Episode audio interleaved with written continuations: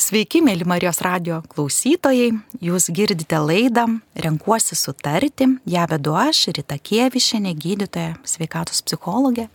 Ir šiandien turiu svečią, gydytoją, psichiatrą, Mindaugą Jesulaitį. Mindaugas taip pat yra Romuvos klinikos vadovas Kaune.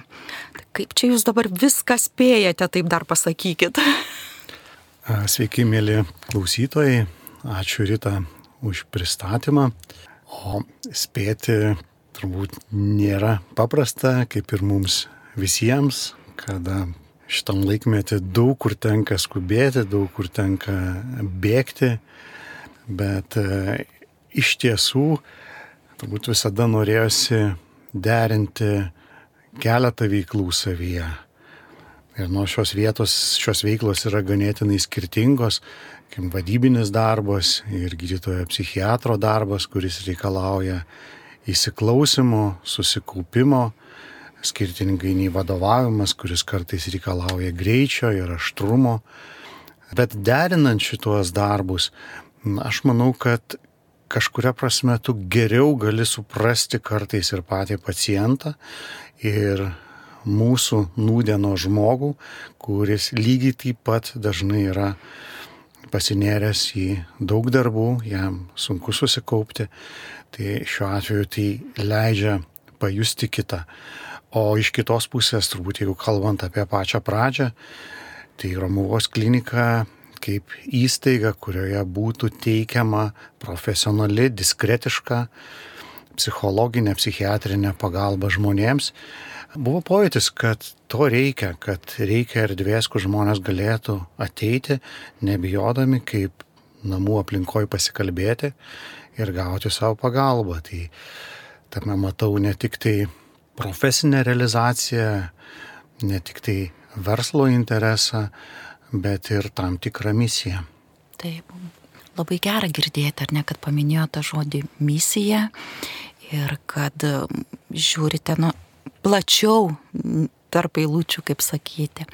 Jūs pasiūlėt Mindaugai temą, daug pasiūlėt temų, labai matau jūsų tą tokį platų ratą, domėjimuose ratą, bet apsistojame prie temos e, priklausomybės. Tai va, kodėl šita tema, ar šiai dienai tai irgi aktualu labai, ar aktualiau labiau negu bet kada? Į priklausomybės pats atėjau ganėtinai netikėtai, turbūt gyvenime Mums būna taip su savo profesijomis, su savo pašaukimais tam tikrais, kada iš tiesų ne mes pasirenkam, o tarsi profesija mus pasirenka. Ir būdamas jaunų specialistų, pradėjus dirbti vienoje įstaigoje, kolega pasiūlė, kad, na, gal tu norėtum pradėti padirbėti su priklausomai žmonėmis, nes, na, tu kaip vyras galbūt tau lengviau bus suprasti kitus vyrus ir, ir jiems padėti. Tai tokia buvo mano pradžia, nelabai ne turint supratimo, kas, kas tai yra. O žinias kaupiau eigoje, bendraudamas su žmonėmis. Paskui netikėtai šalia tokių klasikinių priklausomybių, kaip priklausomybė nuo alkoholio, priklausomybė nuo tabako, priklausomybę nuo narkotinių medžiagų, atsirado kitos priklausomybės, kaip priklausomybė nuo lošimo, priklausomybė nuo interneto, priklausomybė nuo pornografijos, priklausomybė nuo sekso, priklausomybė nuo valgymo ar pirkimo, nes visa tai yra elgesio priklausomybės, kurios turi bendrą variklį. Tai nėra kažkokie skirtingi dalykai patogenezė pati iš savęs yra ta pati. Ir anksčiau buvo ganėtinai stipriai atskiriama, kad, na, tai yra cheminės priklausomybės, sakykime, alkoholis arba narkotinės medžiagos ir elgesio priklausomybės kaip tokios, kurios, na, tarsi buvo, mums atrodė, kad elgesio priklausomybės vos ne kažkoks apsileidimas, kur tu gali susijimti ir viską įspręsi. Bet šiai dienai linkstama prie tos minties, kad mes kalbam apie tą pačią bazę, mes kalbam apie tuos pačius fiziologinius ir neurofiziologinius pokyčius centrinėje nervų sistemoje. Kitaip tariant, mechanizmas tas pats, greičiausiai Taip. tas mhm. pats. Ir kas dabar čia įtakoja, kaip sakyti, ar tie rūpešiai visi Nu, ar ge genetika, ar biologija, ar, ar čia visuma, ar ne? Turbūt, jeigu žiūrėti į istoriškai, jeigu žiūrėti apie patį poreikį žmogaus svaigintis, arba kitaip tai galima būtų įvardinti kaip nusiraminimas, kaip noras nusiraminti, noras valdyti savo emocijas, tai mes tą žinom nuo labai senai. Ar skaitysime senasias knygas, ar neskaitysime tą pačią Bibliją, mes rasime vyno gėrimo tam tikrus ritualus arba kaip dalį, sakykime, dalį vakarienės, dalį mytybos proceso. Lygiai taip pat skaitydami, sakykime, galbūt kitų geografinių platumų knygas, na, rytuose išleistas, mes rasime tenai apie kitų medžiagų kaip opimo rūkimą arba hašišo vartojimą. Ir tai yra kultūriniai dalykai. Labai skiriasi, kad vienoje šalyje už vieną medžiagą gali būti baudžiama net mirties bausme, o kita medžiaga gali būti visiškai legali ir atvirkščiai kitoj šalyje gali būti priešingai. Įdomu, kad ne tik žmonės, bet net ir gyvūnai yra linkę kartais vaigintis. Ir yra toks vaisių samarula Ir internete galima rasti vaizdelių, kada tie vaisiai amarulos būna prinokai ir jie krenta žemėn, prasideda rūkimo procesas ir natūrali alkoholio fermentacija. Ir aplink susirenka gyvūnai patys įvairiausi, tai gali būti ir bežionės, ir žirafos, ir, ir drambliai ir valgo tas, tuos vaisius ir paskui šlitinėja apsvaigę. Ir lygiai taip pat kaip žmonės patiria stiprias pagirės iš ryto.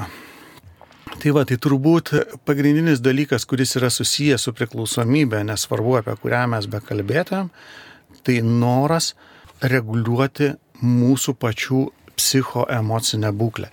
Ir šitoje vietoje atsiranda pati didžiausia problema. Nes įsivaizduokit, jeigu jūs kartais išgeriate taurę vyno su draugais arba su savo partneriu vakare, ar pakeliate šampano taurę naujųjų metų progą, Tai yra tiesiog kaip simbolis šventės, buvimo kartu, gero laiko praleidimo. Su tuo gali būti viskas tvarkoj. Iš kitos pusės, jeigu yra tai, kad, na, jūs pastebėjote, kad patirdamas stresą, išgėręs taurę vyno pasijaučiate geriau. Ir jūs pradedate naudoti tą taurę vyno reguliariai. Stresas mažėja, reikia eiti darbo nemalonus pokalbis, na, kad nusiraminčiau, išgeriu vyno. Pakalbėjau su šeimos nariu ar kažkoks įvyko konfliktas, kad nusiraminčiau, išgeriu vyno. Negaliu užmygti nakčiai, išgeriu taurę vyno. Na, būtent va, tas momentas, kada mes kažkokią tai svaigę medžiagą pradedam naudoti kaip pakaitalą psichoemociniam reguliavimui, Tai yra mes atiduodam galę iš savęs cheminiai medžiagai arba tam tikrai elgesiniai priklausomybei tam, kad jinai padėtų mums nusiraminti. Vat šitoj vietoj ir atsiranda didžiausias priklausomybės pavojus. Taip, ir va čia ir yra turbūt bėda, kad tą elgesį žmogus ir palaiko, nes daliai vis tiek padeda nusiraminti alkoholis ir jis tą elgesį palaiko. Ir čia va turbūt ir yra gal tas lydi riba, o kada jau yra, galima sakyti, kad žmogus priklausomas, kai nesutvarko su pasiekmėm. Nes slidi riba, va, jūs taip ir, ir įvardinot, ar ne, kad čia, va, va, mes vakar šventėm mano mamos gimtadienį, tai buvo 15 žmonių, mes turbūt du butelius šampano per, per mhm, visą ilgą mhm, vakarą ir aš mhm. net vienu metu ir pasidžiaugiau, kad tik tai va simboliškai. Taip, tai va ta riba. Yra konkretus diagnostiniai kriterijai, kada diagnozuojama priklausomybė. Bet jeigu nesileidžiant į detalės ir tiesiog, na, kaip aš galiu pats pabandyti vertinti, ar yra pas mane pavojus ar nėra, tai galima būtų žiūrėti, ar aš galiu kontroliuoti savo gerimo pradžią, ar aš galiu kontroliuoti savo gerimo intensyvumą ir ar aš galiu kontroliuoti savo gerimo pabaigą. Dar vienas punktas gal būtų, kaip dažnai atsikartoja tam tikros situacijos. Ir dar vienas punktas galėtų būti su žalos faktoriumi, ar mano kažkoks elgesys atneša žalą ar ne.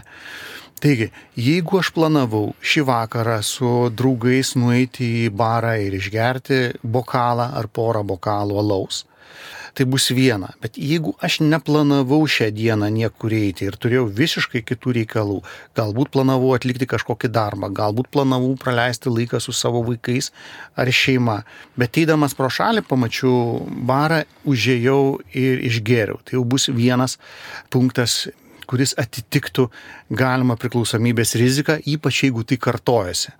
Kitas punktas gali būti apie tai, kad aš planavau išgerti per vakarą du bokalus alaus, bet iš tikrųjų aš išgėriau galbūt šešis, aštuonis, o paskui gal dar ir kažkokio stipresnio gėrimo ir paskui gal net nelabai atsimenu, kaip grįžau namo. Tai yra vėlgi aš praradau kontrolę pačio gėrimo metu. Ir trečias punktas tai yra tai, kad aš planavau, kad, na, aš gersiu tik tai šį vakarą, pavyzdžiui, penktadienio vakarą, bet atsikėlę šeštadienį išgėriau pagiriom ir po to nejučia ta diena vėlgi paskendo alkoholyje ir, ir galbūt dar geriau ir sekmadienį. Tai reiškia, aš negalėjau sukontroliuoti pats savo gerimo pabaigos, o jį sukoretriliavo tai, kad aš pirmadienį turiu eiti į darbą. Tai išorinis faktorius privertė mane nustoti vartoti. Taip. Ir čia taip pat kalbant ar apie naršymą socialinių tinklų, gal aš dabar tik 15 minučių pažiūrėsiu, ką, ką draugai daro, o galbūt tik po dviejų valandų jau su, suvokiu, kur tas laikas praėjo, tai čia vat ir visose kitose priklausomybėse, kur ir jūs minėjot. Turbūt kalbant apie elgesio priklausomybės, ypač kalbant apie priklausomybę nuo interneto, nors pats internetas iš savęs jisai nėra kaip priklausomybės faktorius. Internetas yra tarsi švirkštas arba tarsi adata, per kurį paduodamas turinys. Ir mes realiai esame priklausomi nuo vienokio ar kitokio turinio. Tai sukelia priklausomybę. Ir turbūt šitoje vietoje tas pavojus labai yra didelis tame, kad dar niekada žmonijos istorijoje nebuvo taip lengva gauti medžiagos dalį, kuri sukeltų trumpalaikį pasitenkinimą ir skatintų mus norėti to pasitenkinimo dar ir dar. Na, socialiniai tinklai, kurių pagrindinis siekis yra užvaldyti mūsų dėmesį kaip tokį. Ir šiuo metu kova vyksta dėl, dėl mūsų dėmesio. Dėmesys tai yra šių dienų nafta ir nu, turinti didžiausią vertę. Tai kitoje ekrano pusėje dirba visa elgesio inžinierijos specialistų komanda, marketingo specialistų komanda, reklamos specialistų komanda, psichologų komanda, kuri siekia mus kuo ilgiau išlaikyti ekrane, nes kuo daugiau išlaikys mūsų dėmesį, tuo daugiau parodys mums tam tikro reklaminio turinio, tuo kompanija uždirbs didesnės pajamas. Ir šiuo atveju kalba neina apie moralumą kaip tokį. Turbūt vargu, ar mes kalbėtumėm apie smuklininką, alkoholio pardavėją ar tabako gaminių pardavėją, turbūt retai mes kalbėsim apie etinius dalykus. Iš tikrųjų, tas, kas parduoda, tas siekia pelno. Na ir retai susidursim e, su tuo, kuris pasakys, ne, ne, brolyti, tau jau užteks. Tai lygiai taip pat ir su skaitmeniniam technologijom. Ir iš tikrųjų kai kurie naujieji tinklai, na, pavyzdžiui, kaip TikTokas, jis labai stipriai buvo kritikuojamas pradžioje mokslinių straipsnių, vadita dėl to, kad jisai, na, stipriai žalojo psichiką, ypač, ypač vaikų dėl dopamir, dopaminerginės sistemos perdirginimo ir iš tikrųjų nas, blaškos fenomenas arba blaška vaikų, jinai labai stipriai didėja dėl tų trumpų video žiūrėjimų. Tačiau praėjo labai nedaug laiko ir kitos kompanijos pastebėjusios tų trumpų keliolika sekundžių trunkančių video savybę užkabinti žmogaus dėmesį ir algoritmų gebėjimą parinkti tuos video, kuriuos žmogus žiūri, kad jam vėl ir vėl būtų rodoma tas pats, Na, kitos kompanijos tą labai greit pastebėjo.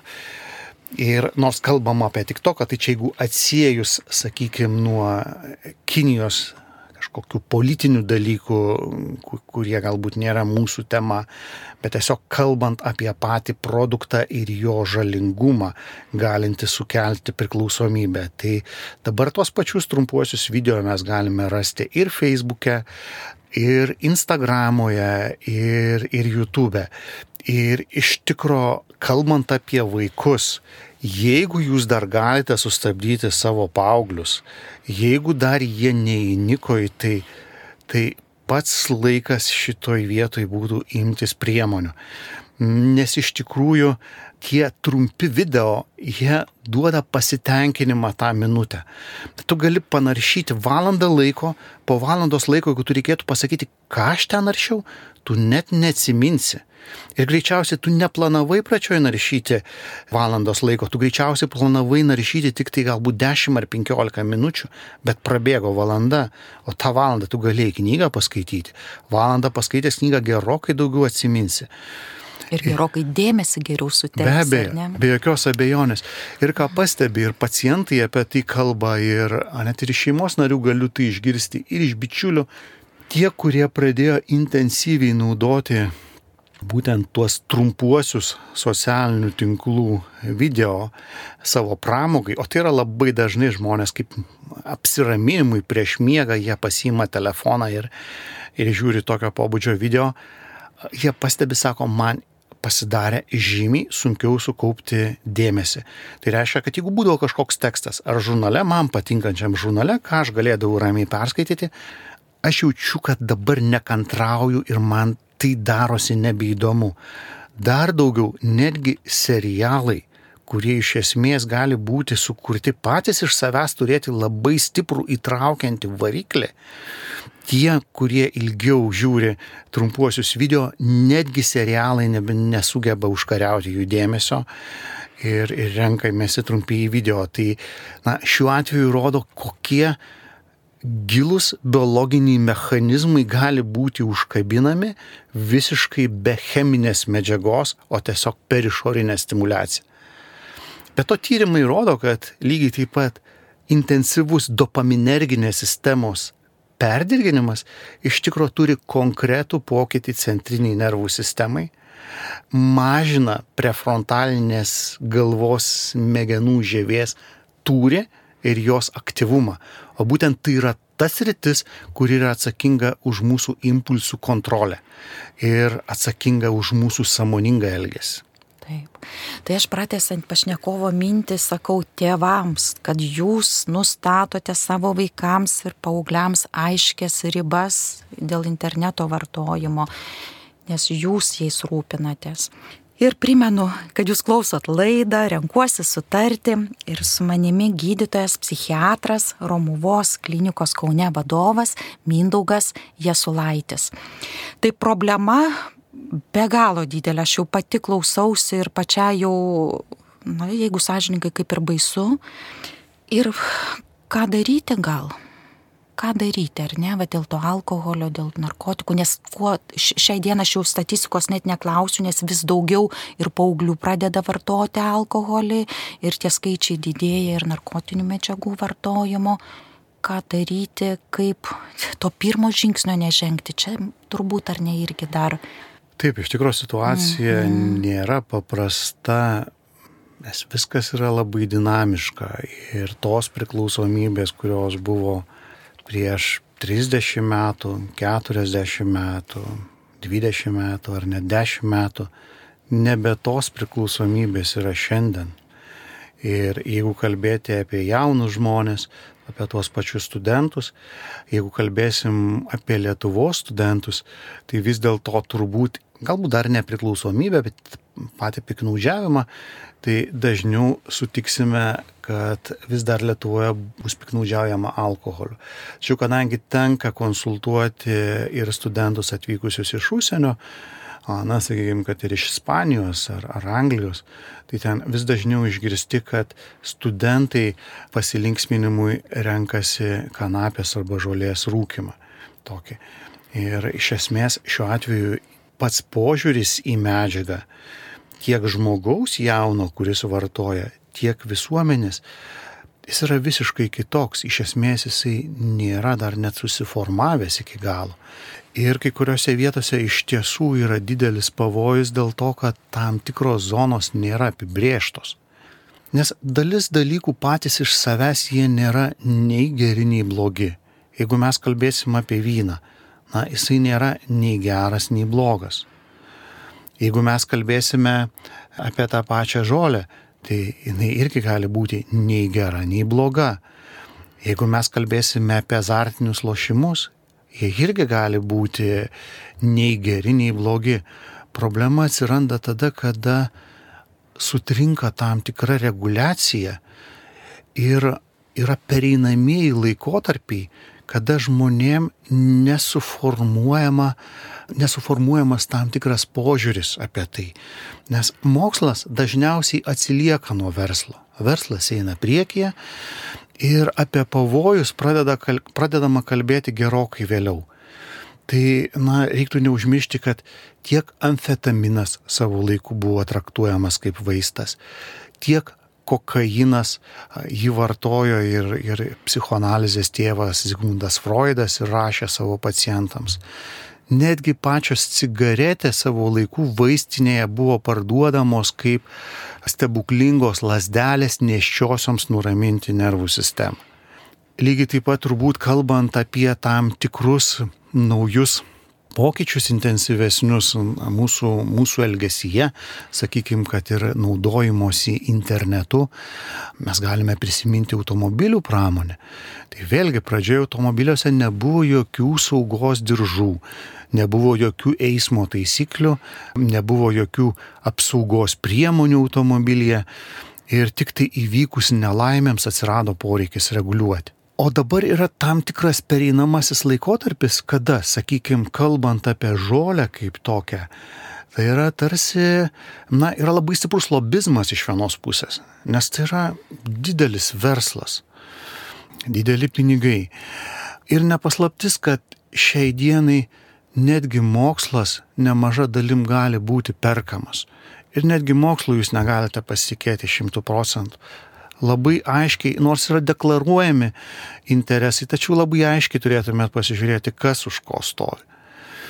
Ir šiuo atveju, sakykime, ta pati žolė dar čia prieš keletą metų atrodo, nu, vat, prieš tas didžiasias legalizacijas Junktinėse Amerikos valstijose, kada buvo ten kai kuriuose valstijose legalizuota rekreaciniams tikslams, pasirodė eilė straipsnių, kur buvo kalbama, kad žolė nesukelia priklausomybės, kad žolė nesukelia mirčių, kad iš esmės tai yra saugi priemonė vartoti.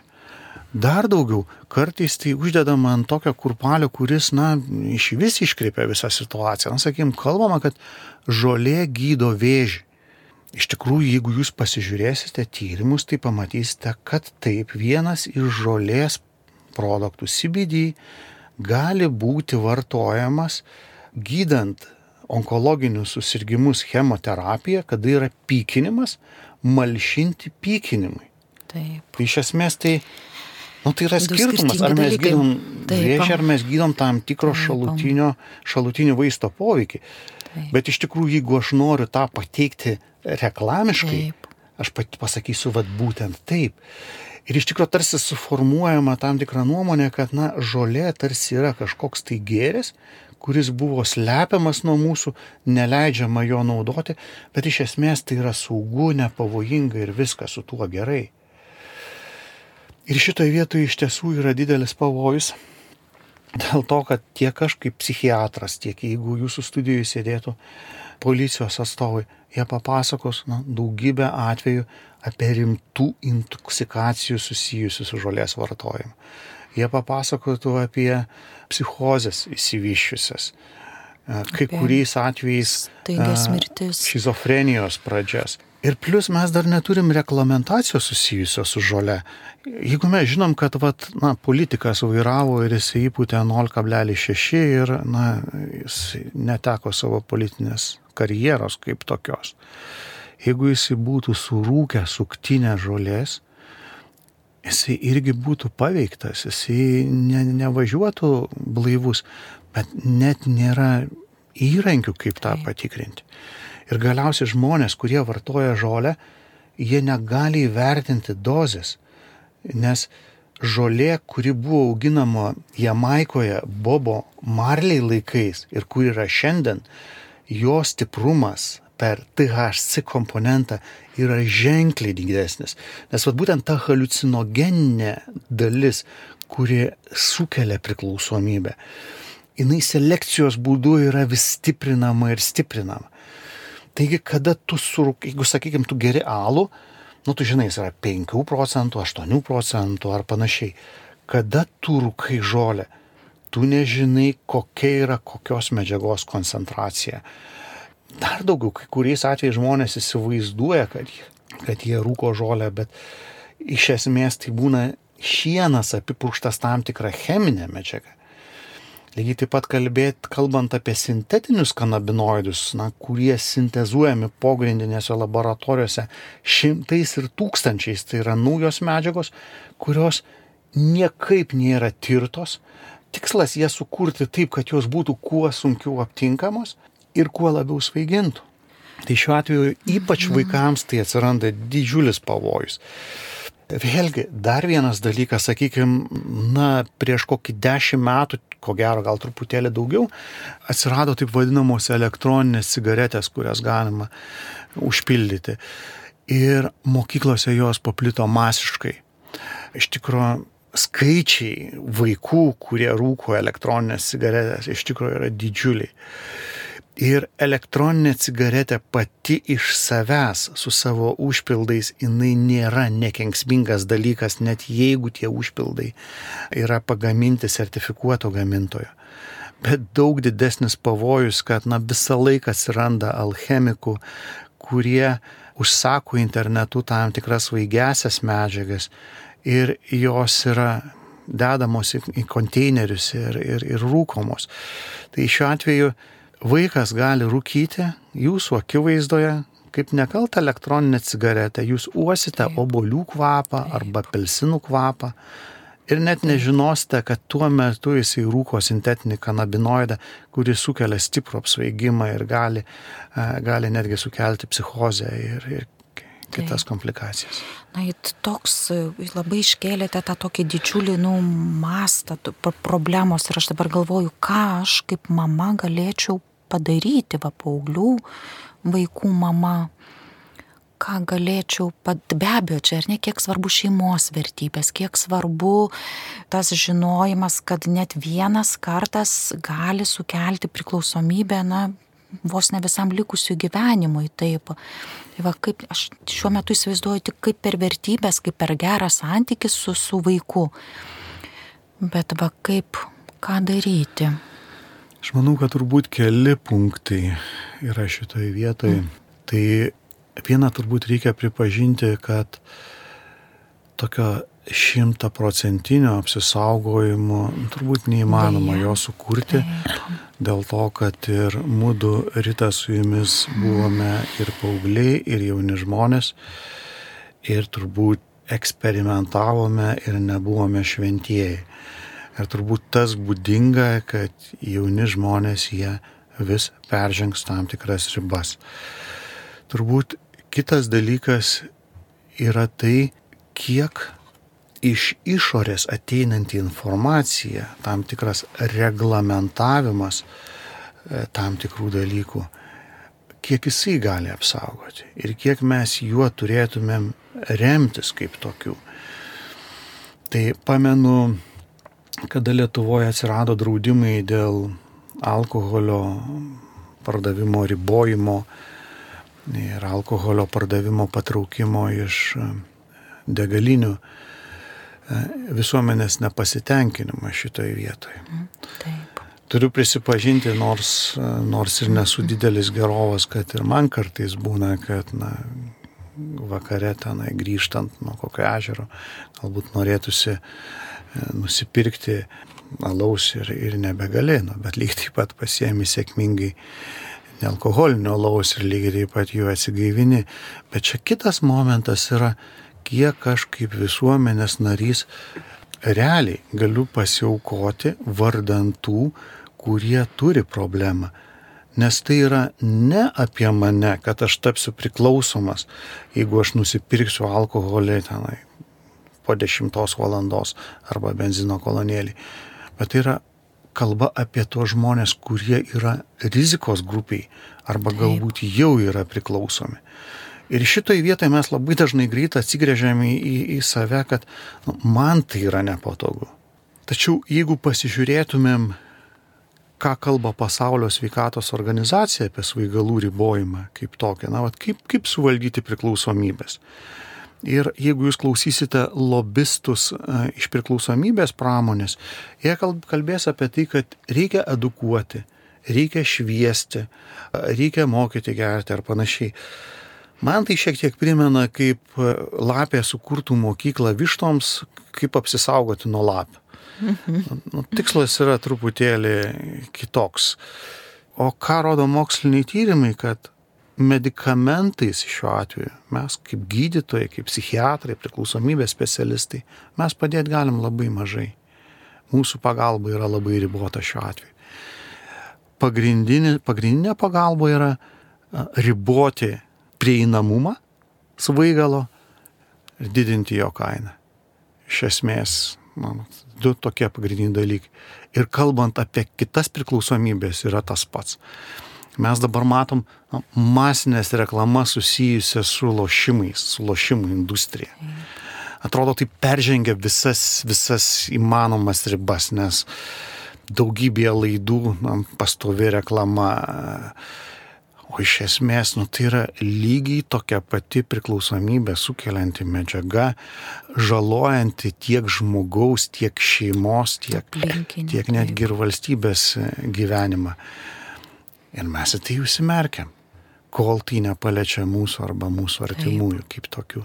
O valstybinis reguliavimas, kuris galėtų būti, tai, na, įdomu, sakykim, kad visiškai nesenai pasirodo straipsnis apie Kinijos vyriausybės priimtus nutarimus vaikams iki tam tikro amžiaus drausti naudoti socialiniais tinklais nakties metu. Tai yra ten leidžiama Taip. naudotis mhm. mokslo tikslais, bet Taip. tiesiog blokuojami tokie tinklai kaip ten TikTokas ar panašiai. Be abejo, Kinija yra totalitarinė e, valstybė ir be abejo, na, turbūt galbūt mes nenorėtumėm, kad pas mus taip griežtai būtų reguliuojama ar priimami tokie vienašališki sprendimai. Bet iš kitos pusės Azijos šalis yra vienos iš lyderiaujančių, kontroliuojant priklausomybę nuo interneto, dėl to, kad dėl tam tikrų tautinių ypatumų tenai priklausomybė mobiliesiems įrenginiams ir internetui paplito labiau ir įgavo žymiai didesnį mastą. Dėl to jie pirmiau ir ėmėsi tam tikrų priemonių. Ir tai liečia ne tik Kiniją, tai liečia ir tą pačią Pietų Koreją, kuris skiria didelės pinigų sumas kovoti su šitą problema ir reglamentuoti tai. Tai šitoje vietoje aš manau, kad mums be išorinės pagalbos be, sakykim, taip pirmiausiai kalbėjimo, taip kaip mūdu su jumis kalbamės, galbūt darimų įtakos mūsų atstovaujantiems politikams, mokslininkams pateikiant tyrimus, tik tai taip turbūt galima suvaldyti tą mastą, nes pavienis žmogus yra bejėgis atlaikyti kitoj pusėje stovinčio verslo interesus. O turbūt grįžtant prie tos minties, kurią jūs išsakėt pradžioj, ką aš galiu kaip mama padaryti, ar ką aš galiu kaip tėtis padaryti.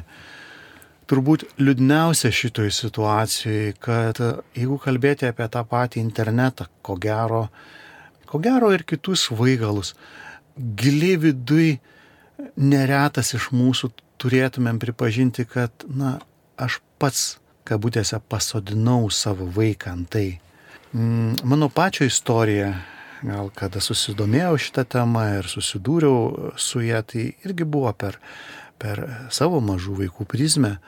Tiesiog, kada vaikai yra maži, žmonės neretai dirba daug, jie, jie grįžta pavargę, vaikas įsilgęs tėvus, jiem, jiem irgi pabodė, galbūt jis kartais ir izlesnis yra ir panašiai, o taip norisi atsisėsti ramiai, pasikalbėti su savo artimu, savo žmona ar vyru, išgerti arbatos. Kaip nuraminti savo mažiuką? Mm -hmm. Na, mes jungiam televizorių, paskui tai. duodam jam planšetę, paskui jam duodam kompiuterį. Tai. Ir nejučia mes kažkaip nu, pastebim, kad, wow, visai, visai faina. Jau ramu. visai, visai ramu. Ir, ir, ir tas laikas didėja ir po kurio laiko tu pastebi, savo vaikui sakai, klausyk, einam, einam į lauką pažaisti futbolą. Mm -hmm. Ne, tėtai, aš geriau pažaisiu planšetį. Arba kad, na, klausyk, sėskis, aš tau paaiškinsiu apie, apie tam tikrus dalykus. Ne, aš galiu rasti tą Google, aš galiu rasti tą internete. Ir šitoje vietoje, vat, tas buvimas, tiesiog laiko buvimas, galbūt išlaikyti bent nedidelius dalykus. Pavyzdžiui, vakarinę arbatą arba valgymą kartu, tą, kurį galite su savo vaikais. Tiesiog laiką, kurį praleisite kartu su savo vaikais, jis yra aukso vertės. Taip. Ačiū Mindaugai, mūsų tas laikas prabėgo. Aš primenu, kad jūs klausėte laidą Renkuosi sutarti. Svečiuose Mindaugas Jasulaitis, gydytas, psichiatras, Romuvos Kaune klinikos vadovas. Ir labai džiaugiuosi Mindaugai tą jūsų misiją ir švietėjišką misiją ir, ir, ir klinikos misiją įkurta. Labai linkiu ir jum, ir kiekvienam klausytojui to ir samoningumo, ir išminties, ir buvimo vienas su kitais. Tai sakau sudie, dėkoju. Sudie. Iki.